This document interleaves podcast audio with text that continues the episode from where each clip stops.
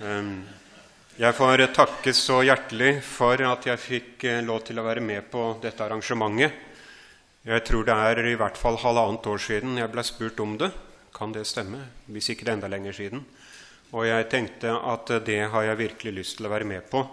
At det er et slikt Luthers, eller arrangement der hvor lutheranere fra forskjellige sammenhenger her i Norge treffes og, og eh, fordyper seg inn i spesifikt i den lutherske troen. Eh, jeg hadde lyst til å være med på det, og jeg er veldig glad for at jeg får lov til å være med, og er veldig takknemlig for det jeg allerede har fått høre, eh, som tilhører i benken.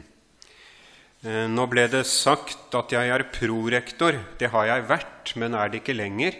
Det er en stilling som vi bytter litt på på Fjellhaug, og nå er det en annen enn meg som har den. Men jeg er fortsatt tilknyttet Fjellhaug og er lærer der i dogmatikk stort sett. Eh, det ble også sagt at jeg var født i Tvedestrand. Det er eh, eh, Da vi var i militæret, min tvillingbror og meg, vi kom inn da vi var 19 år, så møtte vi en offiser som begynte å se litt rart på oss, og så sa han det. Ja, dere er tvillinger. Ja, sa jeg. Vi er født med fem minutters mellomrom. Ja, hvordan kan dere da ha gitt opplysning den ene om at han er født i Tvedestrand og den andre i Risør. Eh, det har alltid vært litt tvil hvor vi kommer ifra. Jeg er vokst opp i Borre, mesteparten av oppveksten, så det er litt vanskelig, det der. Men nok om det. Nå vet jeg at jeg er i Bergen, og er fornøyd og glad med det. Vel, mitt oppdrag her det er da å si noe om dette med simul i forkynnelsen. Det er et latinsk uttrykk, det er ikke fullstendig engang.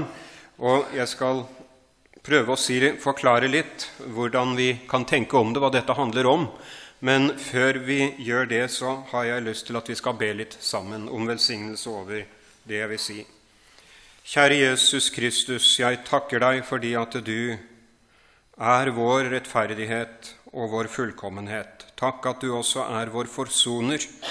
Takk at du, Herre Jesus, i tidens fylde tok på deg alle mine synder, alle våre synder og all verdens synd. Takk at du, Herre Jesus, som er Guds sønn, lot deg føde inn i denne verden og dø på et kors for å ta bort syndene våre. Og takk at du har tatt det bort fullkomment, slik at vi, Herre Jesus, kan få leve i et åpent forhold til deg uten skyld uten anklager og dom, men under din nåde og frelse. Amen. Jeg har jo fått et vanskelig tema, og når jeg får vanskelige temaer, så blir jeg mer bundet av manuskriptet, for at jeg, jeg må vite at jeg har sagt det som jeg har på hjertet. og eh, Derfor så vil jeg nok være litt sånn bundet, som dere ser. Jeg skal prøve ikke bare lese, men jeg har et ganske fyldig manuskript. Og eh, jeg har tygd en del på overskriften 'Simul i forkynnelsen med det nye og det gamle mennesket i benken'. Hva betyr nå egentlig det? Det er klart at her er det noen termer som vekker assosiasjoner til veldig store saker, særlig i luthersk teologi. Det dreier seg jo på den ene side om begrepene simul justus et peccator, og det betyr jo som kjent, vil jeg tro, at man samtidig er rettferdig og synder. Og eh, så vises det til noen som sitter i benken. Det kan vel også sies i stolene, som tilhørere. Det skal på en måte ha en bestemt anvendelse.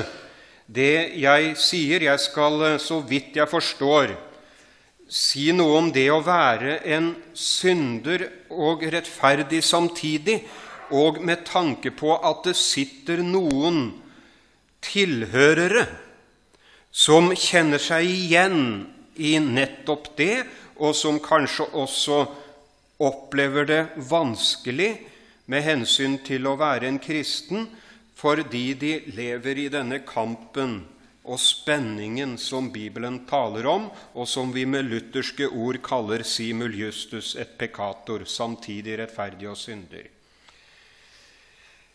Og når jeg har gått og tenkt på å si noe om dette her, så har det på en måte aktivert noen tanker som, ja, som viser til noen erfaringer jeg har hatt både fra mitt eget liv og fra undervisningssituasjonen gjennom mange år. Jeg har jo vært ved bibelskole noen år, og jeg er nå på høyskolen på Fjellhaug. Der underviser jeg. Men noe av disse problemene som begrepene samtidig rettferdig og synder viser til, det er, det er noe som på en måte er ukjent Sjølve begrepene er ukjente. Selve saken er ukjent for mange, ikke minst unge mennesker. Kanskje først og fremst dem. Eh, det dreier seg om en lære om eh, noe som gir oss hjelp til å forstå oss selv som kristne. Men så er jo rett og slett saken at her er det noe som, som er kommet bort i stor grad. Jeg gjetter nesten på det at uttrykket 'simul justus et peccator', skråstrek samtidig rettferdig og synder, det, det er en fremmedartet måte å snakke på. Og selve saken handler om noe som det er veldig stor uklarhet om. Og så tenker jeg samtidig, ikke minst ut ifra den erfaring jeg har hatt, at selv om saken som sådan er ukjent, og selv om det mangler kunnskap om denne saken, ja, så er likevel de realiteter som denne sak, eller disse ordene sier noe om, den, de er der. Skjønner du åssen jeg tenker?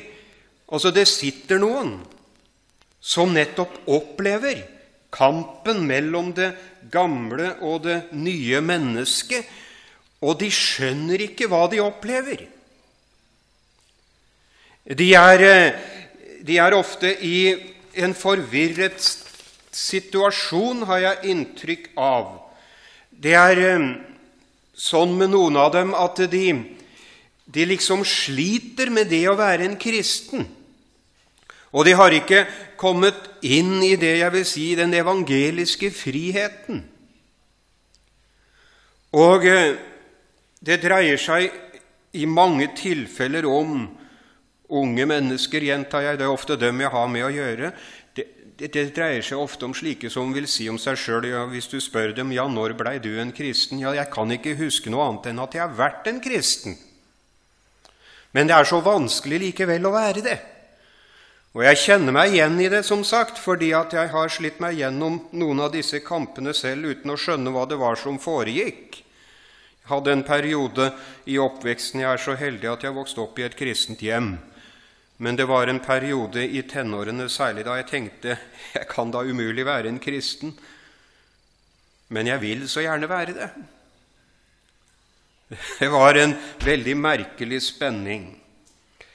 Og eh, det er da det er blitt ganske klart for meg, eh, som lærer og av og til som forkynner, at her er det noe, her er det sannheter som vi må nå frem til mennesker med, også i vår tid. Hva vil det si å være fullt og helt rettferdig og fullt og helt synder? Er det en betegnelse på en kristen? Ja, det er det. Jeg husker en forkynner som jeg hørte for mange år siden. Han kom fra Vestfold, han òg. Og han sa det noe som jeg aldri glemmer. Det er noe i deg som aldri kan bli annerledes, sa han. Det er noe i deg som alltid vil være det samme.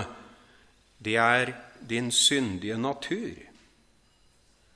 Og så leste jeg meg litt inn på forskjellig la oss kalle det oppbyggelseslitteratur, og så gikk de opp for meg etter hvert. det er noe jeg kan gi opp. Det er noe i meg som er uforbederlig. Og eh, samtidig så skjønte jeg etter hvert, ja, heldigvis, det som er i meg, den jeg er i meg selv, det er ikke det jeg frelses ved, men det er Jesus Kristus og hans rettferdighet som gjelder i stedet for meg. Og så blei det i forlengelsen av det spørsmålet om Dette blir en sagt det vi kaller objektive realiteter, ikke sant?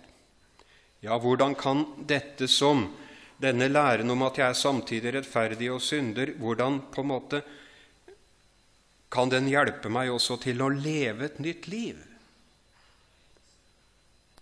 Det er eh, slike spørsmål som jeg skal prøve å svare litt på.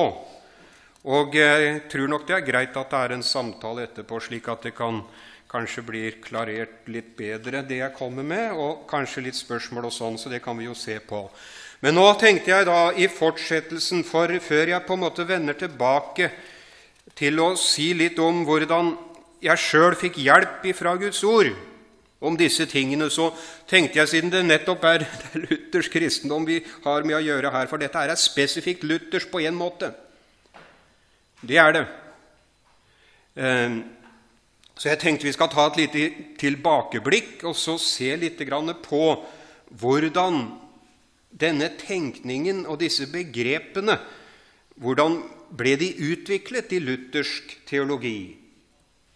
Eller Luther selv, hvordan hvordan utviklet han sin forståelse av disse begrepene?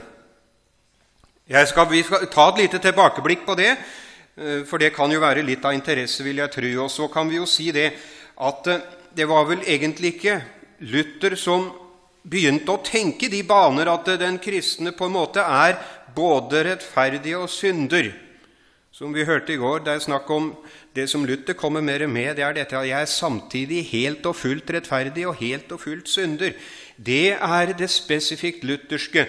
Men det hadde nå vært tanker om disse tingene før Luther kom på banen, og da snakket man om partim partim, latin. Delvis synder, delvis rettferdig. Og det er nok særlig Augustin som har hatt noen tanker om disse tingene. Eh, det skjer noe, det oppdages noe i og med reformasjonen. Det utvikles, som det ble sagt i går, nye begreper. Eller kanskje vi heller skal si de gamle begrepene ble på en måte vasket i Skriftens kilde. holdt jeg på å si. De, de ble på en måte redefinert et stykke på vei ut ifra en helt ny, grunnleggende forståelse av forholdet mellom Gud og menneske, hellighet, lov, evangelium osv. Og det er denne prosessen Luther gikk jo gjennom en prosess som fikk veldig stor betydning i den forbindelse. Det vi kan si det var en personlig prosess. Erfaringsbetinget prosess. Her har vi å gjøre med virkelig erfaringsteologi, bare som ta det i en parentes. Og så kan vi godt si det var kanskje Melanchthon, Luthers nære medarbeider, yngre medarbeider, språkgeniet Melanchthon, som også bidro til å få begrepene på plass. Men det er, en, det er en amerikansk forsker som heter Thomas Winger. Han har skrevet en veldig interessant artikkel om om dette med simul justus et peccator. Hvordan utvikles Luthers tanker om det? Det står i en artikkel som heter 'Simul justus et peccator'. Did Luther and the confession get Paul right? Altså er det slik at bekjennelsen og Luther forsto Paulus rett på dette punktet. Han gir noen overbevisende argumenter for det. og Det er en veldig interessant artikkel. Og Jeg skal bare ta med meg lite grann ifra den. Han påpeker følgende, og jeg tror vi kan prøve å hente litt hjelp ut av det han påpeker. Ifølge Winger så er det første gang Luther bruker uttrykket 'samtidig rettferdig og synder'. det skal visstnok være i Romerbremskommentaren fra 1515. Det var jo ganske tidlig i Luthers karriere. Før liksom det blei spikret noen ja, det var vel ikke det som skjedde, men også før dette store reformatoriske gjennombruddet. Og eh, Det var mens han holdt forelesninger og arbeidet med Skriften for å, og at han kom til Romerbrevet kapittel 4, 7-8. Der taler Luther ifølge Winger for første gang om simul justus et peccator. Og det er jo de avsnittene eller versene i Romerbrevet 4 hvor eh, Paulus siterer fra Salme 32. Og bare merk deg det. Her står det Salig er de som har fått sine overtredelser tilgitt og sine synder skjult. Salig er den mann som Herren ikke tilregner synd. Jeg håper å si, jeg veit ikke hvor mange ganger jeg stansa opp for det bibelordet for å forklare hva rettferdiggjørelsen er. Men eh, la oss gå til Luther. Det er uttrykket 'forlatt' og 'skjult'. At mine synder er forlatt, og mine synder er skjult. Det er disse begrepene han legger vekt på når han vil forklare hva det vil si å være synder og rettferdig samtidig. For de ordene de viser på den ene side at en kristen har synd. På den annen side viser de også at skylden er ettergitt. Synden er ikke tatt bort eller tilintetgjort. Den er der, men Gud har skjult den og regner ikke lenger med det poengterer Luther. Og jeg har av og til når jeg har undervist om dette, her, så har jeg liksom lagt en dings på pulten sånn. Det kan jo være den. Den er synden. Og så legger jeg noe over. Da er den skjult, men den er der. Altså, i den tilstand lever en kristen. Min syndige natur eksisterer. Jeg gjør erfaringer med den til stadighet, ja, hver dag. Og huff og huff hvordan det kan være. Og særlig når liksom den gamle Adam prøver seg på alle mulige måter å gjøre inn liksom med fromhet og greier.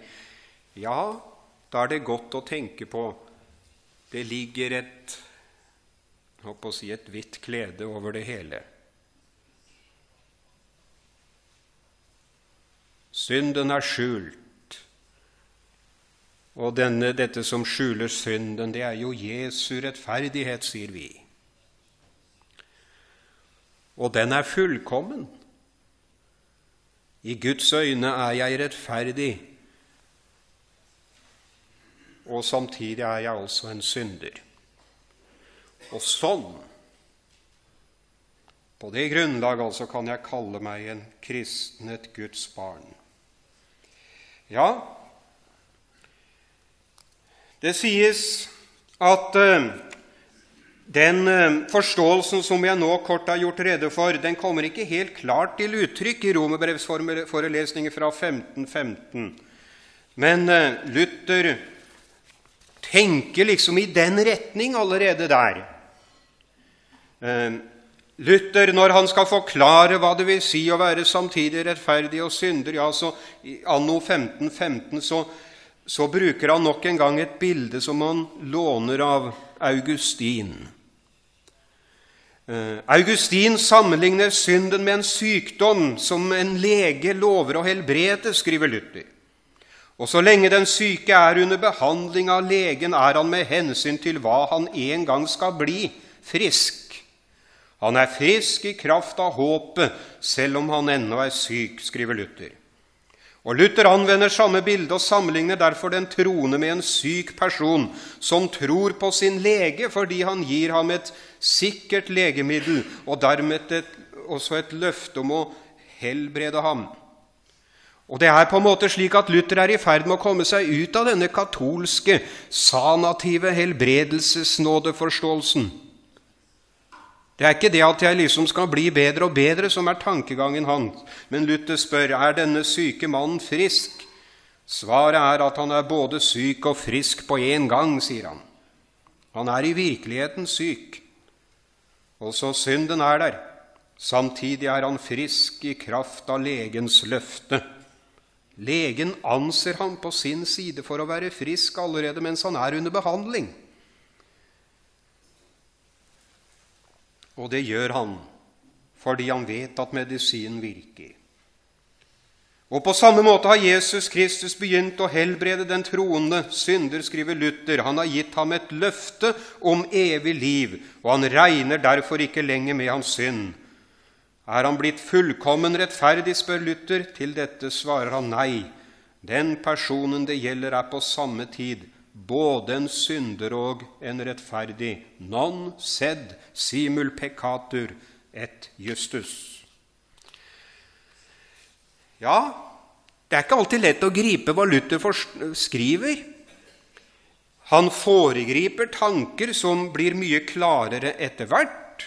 Men vi ser kanskje at her brytes det på en måte frem en ny måte å forstå Skriften på. I kraft av løftet er jeg rettferdig, i kraft av meg selv er jeg det ikke. Men så viser det også at Luther bygger sin tenkning om å være samtidig rettferdig og synder også på Romerne 7,15. Og Her skriver jo Paulus som kjent 'Jeg skjønner ikke det jeg gjør'.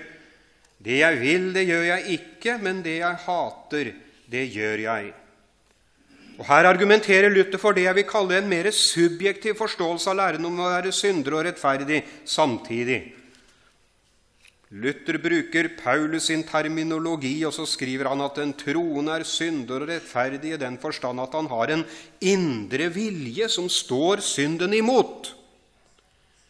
Og Det er også en side ved læren om simul justus et peccator. Vi snakker om å være det rent objektivt, ikke sant? Jesu rettferdighet er min, det sier Luther mye klarere etter hvert. Ja, og jeg er synderen, synden er skjult. Og så er det faktisk også ved troen skapt et nytt liv i meg. Det er noe nytt i meg. Og dette nye det er forsyne meg fullkomment og rettferdig. Og så er det jo disse begrepene ved gjenfødelse og slike ting. Hva betyr nå det? Hva er den nye natur? Hva er det den består i? Er det liksom slik at vi skapes liksom et nytt sett av egenskaper eh, som på en måte lever siden av de andre? Nei, det tror jeg nok blir litt galt å si det sånn. Det er selve troen som er det nye. Troen er opphavet til de gode gjerningene. I tro valgte Abraham å følge Guds vilje osv. Det er ganske klart ut ifra Skriften. Men samtidig må vi altså si det er faktisk noe i meg, en ny natur, som Ja, vi kan godt si kalle det Jesus i meg. Den den er fullkommen som eh, og uten synd, egentlig. Men det kan vi jo ikke erfare. Det er liksom så vevet i hverandre. Men det nye i meg er faktisk en ny rettferdighet. Jeg har prøvd å forklare det av og til, hvordan det der er å forstå med kanskje et bilde som, som er litt farlig på en måte. Det er ikke tilstrekkelig, og man må ha noe forbehold med det. Men jeg husker da jeg vokste opp utafor Horten, så var det et sted vi hadde Vi hadde et lite sånn Det var på landet, ute på jordet, var der jeg kommer ifra. Så hadde vi, husker jeg på stedet jeg vokste opp, et kirsebærtre som jeg ikke oppdaga før jeg fikk Jeg blei en ti-elleve år. Og det var bugnende fullt av kirsebær. Og jeg tenkte det der skulle være, være spennende å smake på dette her. Det gjorde jeg sjølsagt.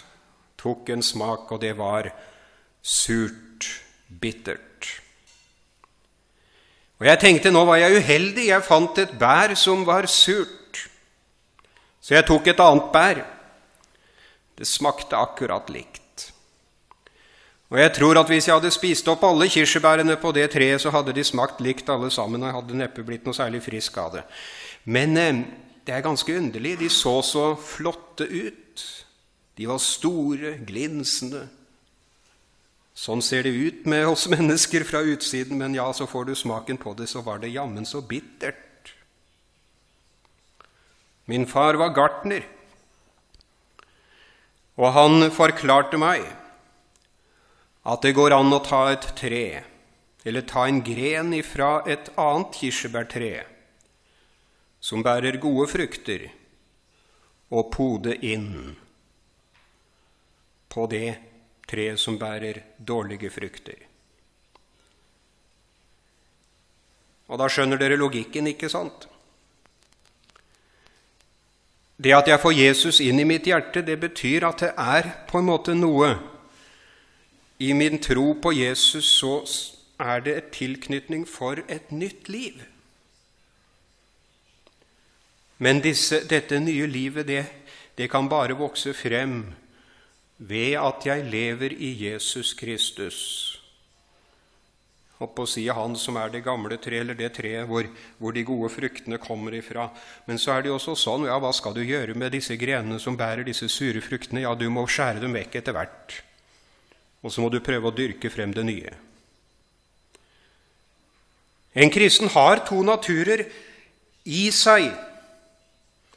Og dette kommer klarere frem i Luthers Galaterbrevskommentar fra 1519.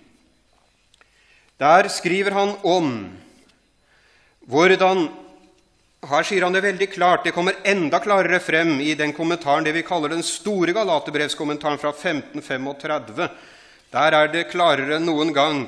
Der skriver Luther om, om disse tingene som jeg har talt om nå, at objektivt sett så er en kristen rettferdig og en synder på samme tid. Han er hellig og profan. Han er en fiende av Gud og samtidig et barn av Gud. Ingen av sofistene ville innrømme det paradokset, skriver han, fordi de forstår ikke den sanne meningen med rettferdiggjørelsen. Og det at synden er i deg ennå,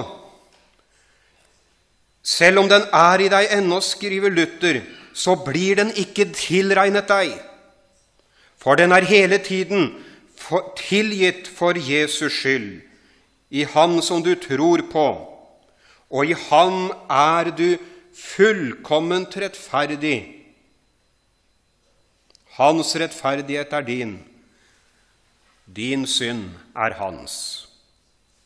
Ja, her er det den objektive forståelsen av dette. Jesus er alt hva jeg skulle vært. Han er det i mitt sted. Jeg er synderen. Og når jeg lever i troen på det, når jeg i grunnen sier farvel til meg selv, kan du bare Jeg gir opp det der. Og så retter jeg mitt blikk imot Ham som er min rettferdighet. Ja, så skapes et nytt liv i meg. Det nye livet for næring og Jesus vinner skikkelse i meg. Jeg skal få lov å tro det. Vi skal gå til noen tekster i Romerbrevet. Det er ofte der jeg stanser opp når vi snakker om disse tingene, bare for å på en måte få en bekreftelse fra Skriften selv. Som vi har sett, så er det særlig Romerbrevet kapittel 4 Luther ja, som Luther, det er der han starter når han snakker om disse tingene. Eh, og Det gir jo mening, særlig når vi med begrepet rettferdighet tenker på at Gud tilregner meg Jesu rettferdighet Jeg er frelst ved troen på Jesus. Ja, sånn er det hver eneste dag. Jeg er det ikke i kraft av det jeg selv greier å gjøre som en kristen, men i kraft av hva Jesus hele tiden er for meg. Og skal jeg snakke om mine personlige oppdagelser i Skriften i denne forbindelse, ja, så våger jeg meg fram med det også. Romerne 5.10.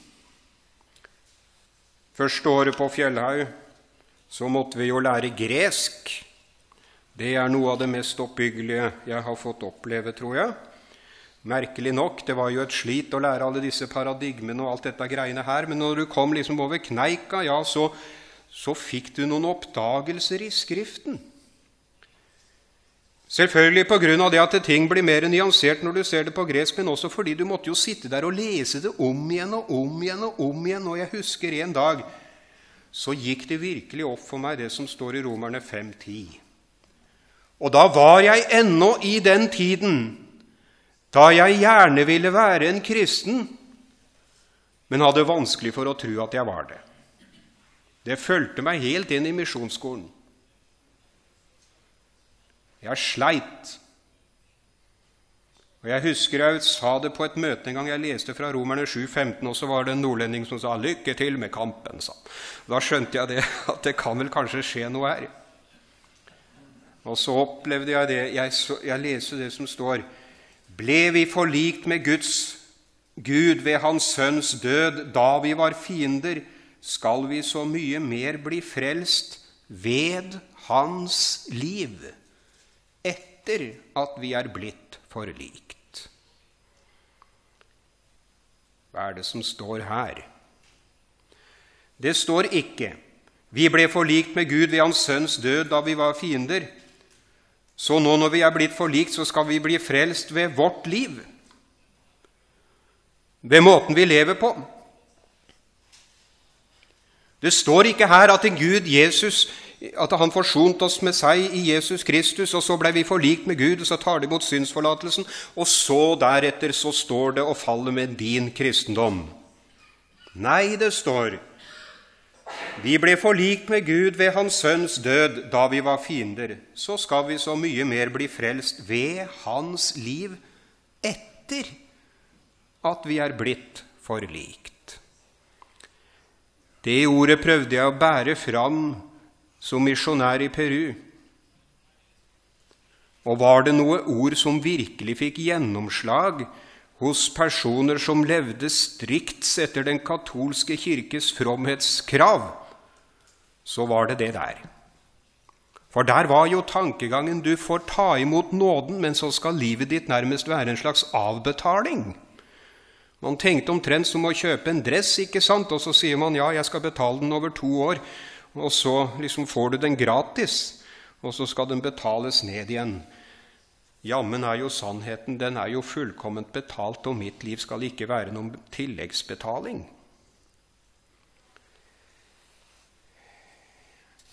Det betyr en del for oss å få svar på hva det vil si at vi skal bli frelst ved Hans liv. Jesu liv. Ja, noen vil si det var det livet Jesus levde på jorden, der han, fylte, der han oppfylte loven i mitt sted. Ja, det tror jeg nok det handler om, men jeg, jeg har i grunn også Når det tales om Jesu liv, så tenker jeg på det livet den oppstandende Jesus lever nå. Jesus er ikke død. Han har seiret over synden. Han har gravd den dypt ned. Den er borte. Synden, den er hengt på korset. Alt du kunne anklages for, det henger der. Og han har sonet og betalt, og så har han stått opp fra de døde fordi han var rettferdig og hadde retten til livet. Og så står det i Hebrevbrevet kapittel 7, 25 hva Jesus gjør. Derfor kan han også fullkomment frelse dem som kommer til Gud ved ham, da han alltid lever for å gå i forbønn for dem.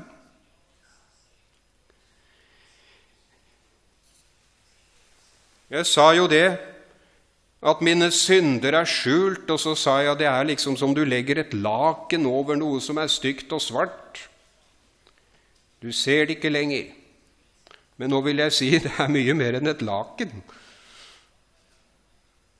Det er en person som står der og går i forbønn for meg når jeg har mine fall og kjemper med mine fristelser. Og når jeg må si til meg selv nei, nå gikk det gærent Han kan fullkomment frelse dem som kommer til tro ved ham, fordi han alltid lever til å gå i forbønn for dem. Jesus lar sin rettferdighet gjelde for oss han sier til Faderen, 'Jeg har betalt det som denne personen skylder.' De syndene som vedkommende sliter med, og som er ille nok, kan vi godt si, ja, dem har jeg betalt for. Ja, apostelen Johannes skriver veldig klart om disse tingene og så skriver han i 1. Johannes brev kapittel 2.: Mine barn, dette skriver jeg til dere for at dere ikke skal synde. Han skrevet om renselsen i Jesu blod. Det er, den skal ha en virkning på oss. Synd, bomme på målet. Det å leve i en annen, livs, en annen, livsretning, det skal erstattes med det at jeg lever med Jesus som mitt mål i livet. Ja, ja, men det står 'hvis noen synder'. Hvis noen synder, har vi en talsmann hos Faderen, Jesus Kristus, den rettferdige. Og han er en soning for våre synder, og ikke bare for våre, men også for hele verdens.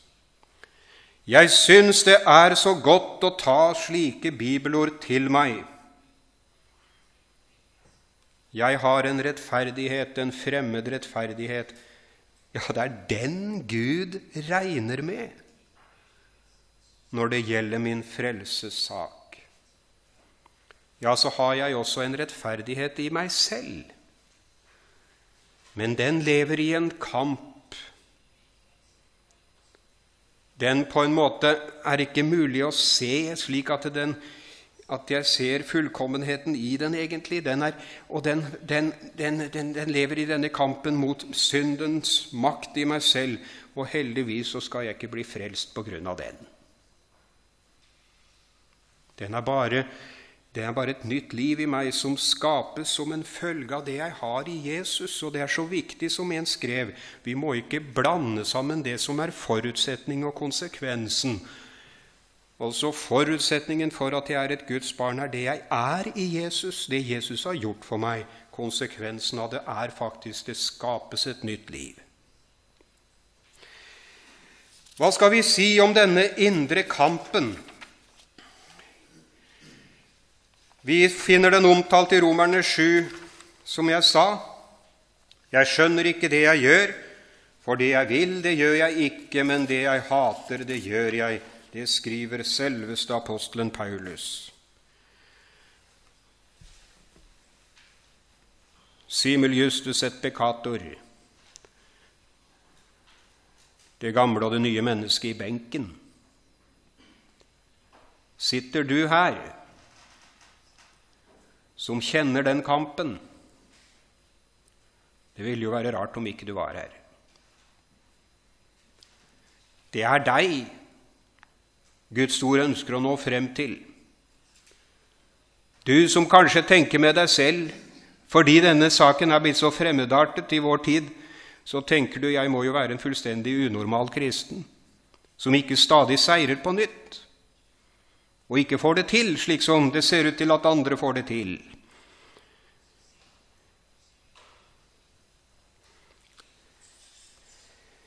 Det er så mange rare oppskrifter som blir gitt med hensyn til det å, å på en måte vokse som en kristen.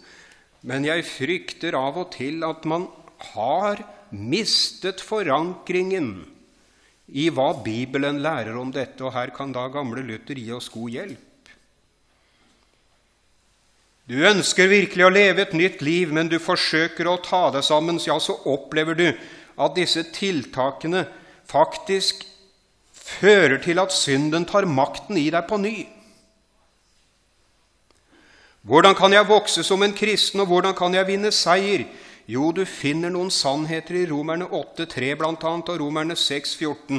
Og vi kunne vel også nevnt Hebrebrevet 12, 1-3. Jeg vet ikke om vi rekker å lese alle sammen. Men har du oppdaget forholdet mellom nåden og helliggjørelsen? For det er også noe vi lett tenker, vi mennesker, at blir nåden og rettferdiggjørelsen og frelsen som jeg prøver å snakke om, ja, det er liksom det skal føre deg frem til porten, slik at du blir en kristen. Og da, da har du endelig sett inn i evangeliet, og så er du blitt frelst, men så kommer dette andre. Det skal jo vokse fram et nytt liv. Og så er det så mange tiltak og så mange si, oppfatninger om ja, så Da kommer det tilbake. ja, 'Nå må du ta deg sammen. Nå må du åpne deg for Gud.' sier han, 'Fyll deg med Den hellige ånd. Og jeg vet ikke hva. Jeg sleit jo med det å bli fylt av Ånden og prøvde til og med å tale i tunger ved en anledning. Da var jeg vel bare 15 år. Og jeg fikk det ikke til, sa jeg til disse velmente menneskene som la sin hånd på meg og skulle få meg, tenåringen, til å tale i tunger. Ja, da er en synd som stenger, sa de. Ja, ja, jeg var ikke av de verste. Men det var ikke noe problem å finne synder som kunne stenge. Heldigvis så kom jeg ut av det. Nåden er kraftkilden til det nye livet. Romerne 81-3, bare merk deg det som står der. Det begynner med en forsikring som gjelder din frelse så er det da ingen fordømmelse for den som er i Kristus Jesus. Ingen. For livets ånds lov har i Kristus Jesus frigjort meg fra syndens og dødens lov. Lov her betyr lovmessighet, nødvendighet.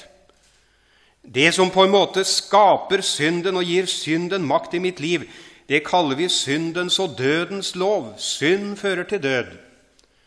Men livets ånds lov har frigjort meg fra syndens og dødens lov. For det som var umulig for loven, det er noe som er umulig for budene, fordi den var maktesløs på grunn av kjødet. Tenk at loven er maktesløs. Det gjorde Gud. Det loven ikke kunne gjøre ut av deg og meg, det gjorde Gud allikevel da han sendte sin egen sønn i syndig kjøds lignelse for syndens skyld, og fordømte synden i kjødet, står det. Hele syndebøtta den blei lagt på Jesus. Og Der blei den fordømt. Hvorfor det? Jo, for at jeg skulle bli frelst, selvfølgelig. Ja, selvfølgelig. Det er det riktige svaret. Men her står det også at det hadde en annen hensikt. For Altså, han fordømte synden i kjødet for at lovens krav om rettferdighet skulle oppfylles i oss, vi som ikke vandrer etter kjødet, men etter ånden. Ja, altså Jesu oppstand, soning, rettferdighet, at han levde et rettferdig liv og oppfylte loven for oss. Hele frelsesverket har en dobbel hensikt.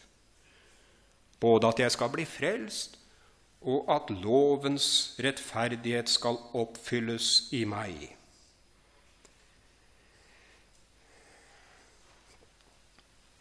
Paulus forklarer oss hvordan denne voldsomme lysten og trangen til synd som vi kjemper med, og som vi ofte ikke engang ser tilstrekkelig, ja, hvordan skal den beseires? Hvordan skal den på en måte miste makt i mitt liv? Svaret er du skal få stille deg inn under nåden.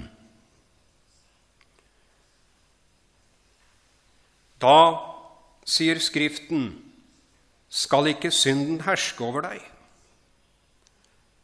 Den mister makten. Romerne 6, 14.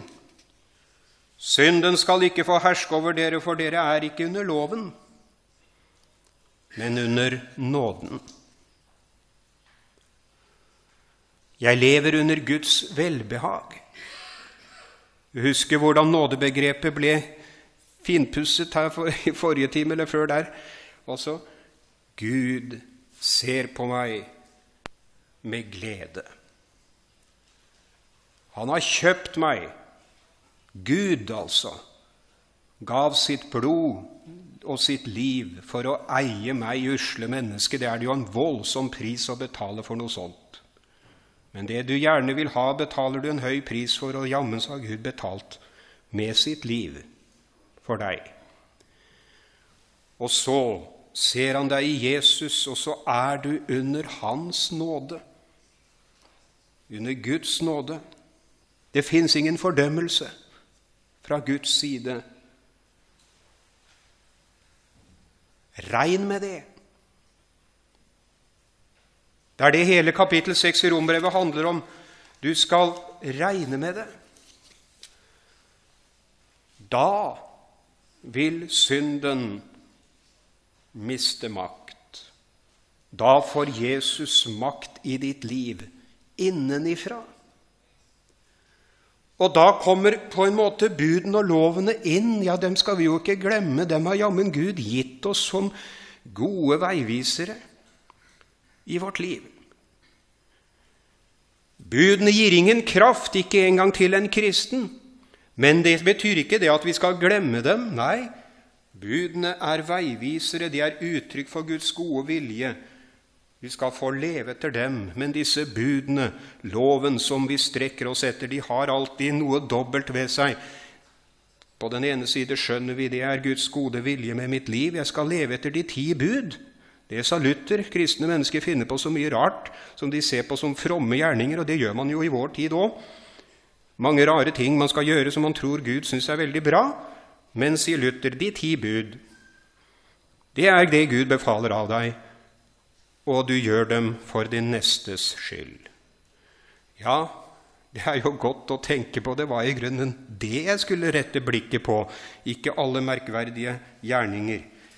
Men så har budene dette med seg også etter at du er blitt en kristen, at de, de er liksom noen selvlysende skilt som kaster lys over hvem du er. De viser deg synden også etter at du er blitt en kristen. Og så jager de deg til Jesus. Og i det spenningsforholdet må vi leve. Du med nåden, jeg med skammen, og hvor vi i dag passer sammen. Og jammen er det sånn det nye livet vokser frem. Takk, Herre Jesus, at jeg kan få regne meg selv for å være fullkomment rettferdig i deg selv om jeg er en synder. Takk at jeg kan glede meg over det, Herre Jesus. Takk, Herre Jesus, at jeg kan få se bort fra hva jeg er i meg selv, og se på hva du har gjort med alt det som anklager. Takk at du har kastet alle mine synder i glemselens hav, og takk at du har oppreist til min rettferdiggjørelse. Og så, Herre Jesus, vil jeg be om at du åpner våre øyne, slik at vi forstår bedre disse tingene, at det må bli til hjelp for oss, og at du også får vinne skikkelse i oss, slik at vi får leve for deg med frimodighet i alle de sammenhenger der hvor vi er, i yrkeslivet, Herre Jesus, i familie, der hvor du har satt oss hver enkelt. Amen.